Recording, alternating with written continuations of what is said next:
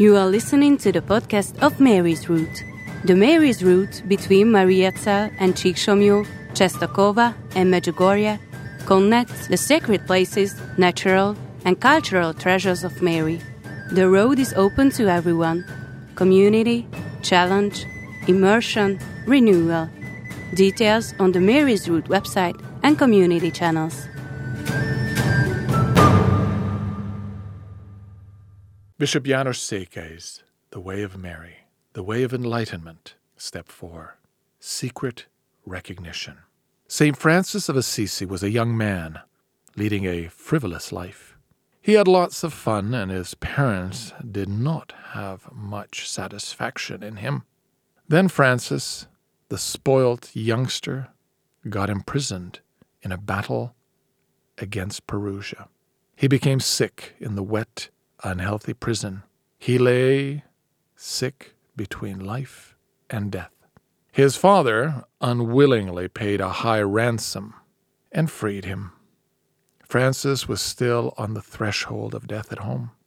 At that very moment, he may have realized how terrible it would be to die, since he had not done anything really good so far in his life. He had only entertained himself.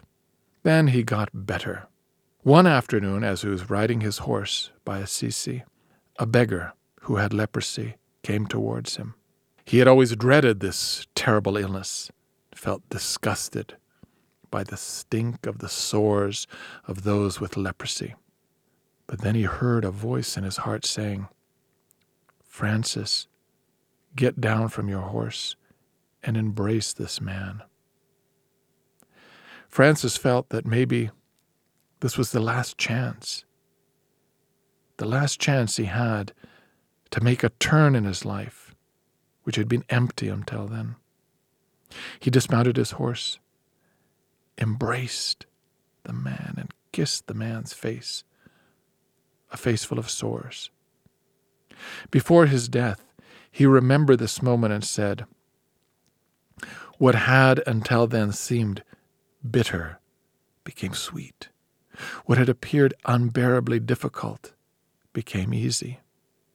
Francis got to know happiness that had been unknown to him before.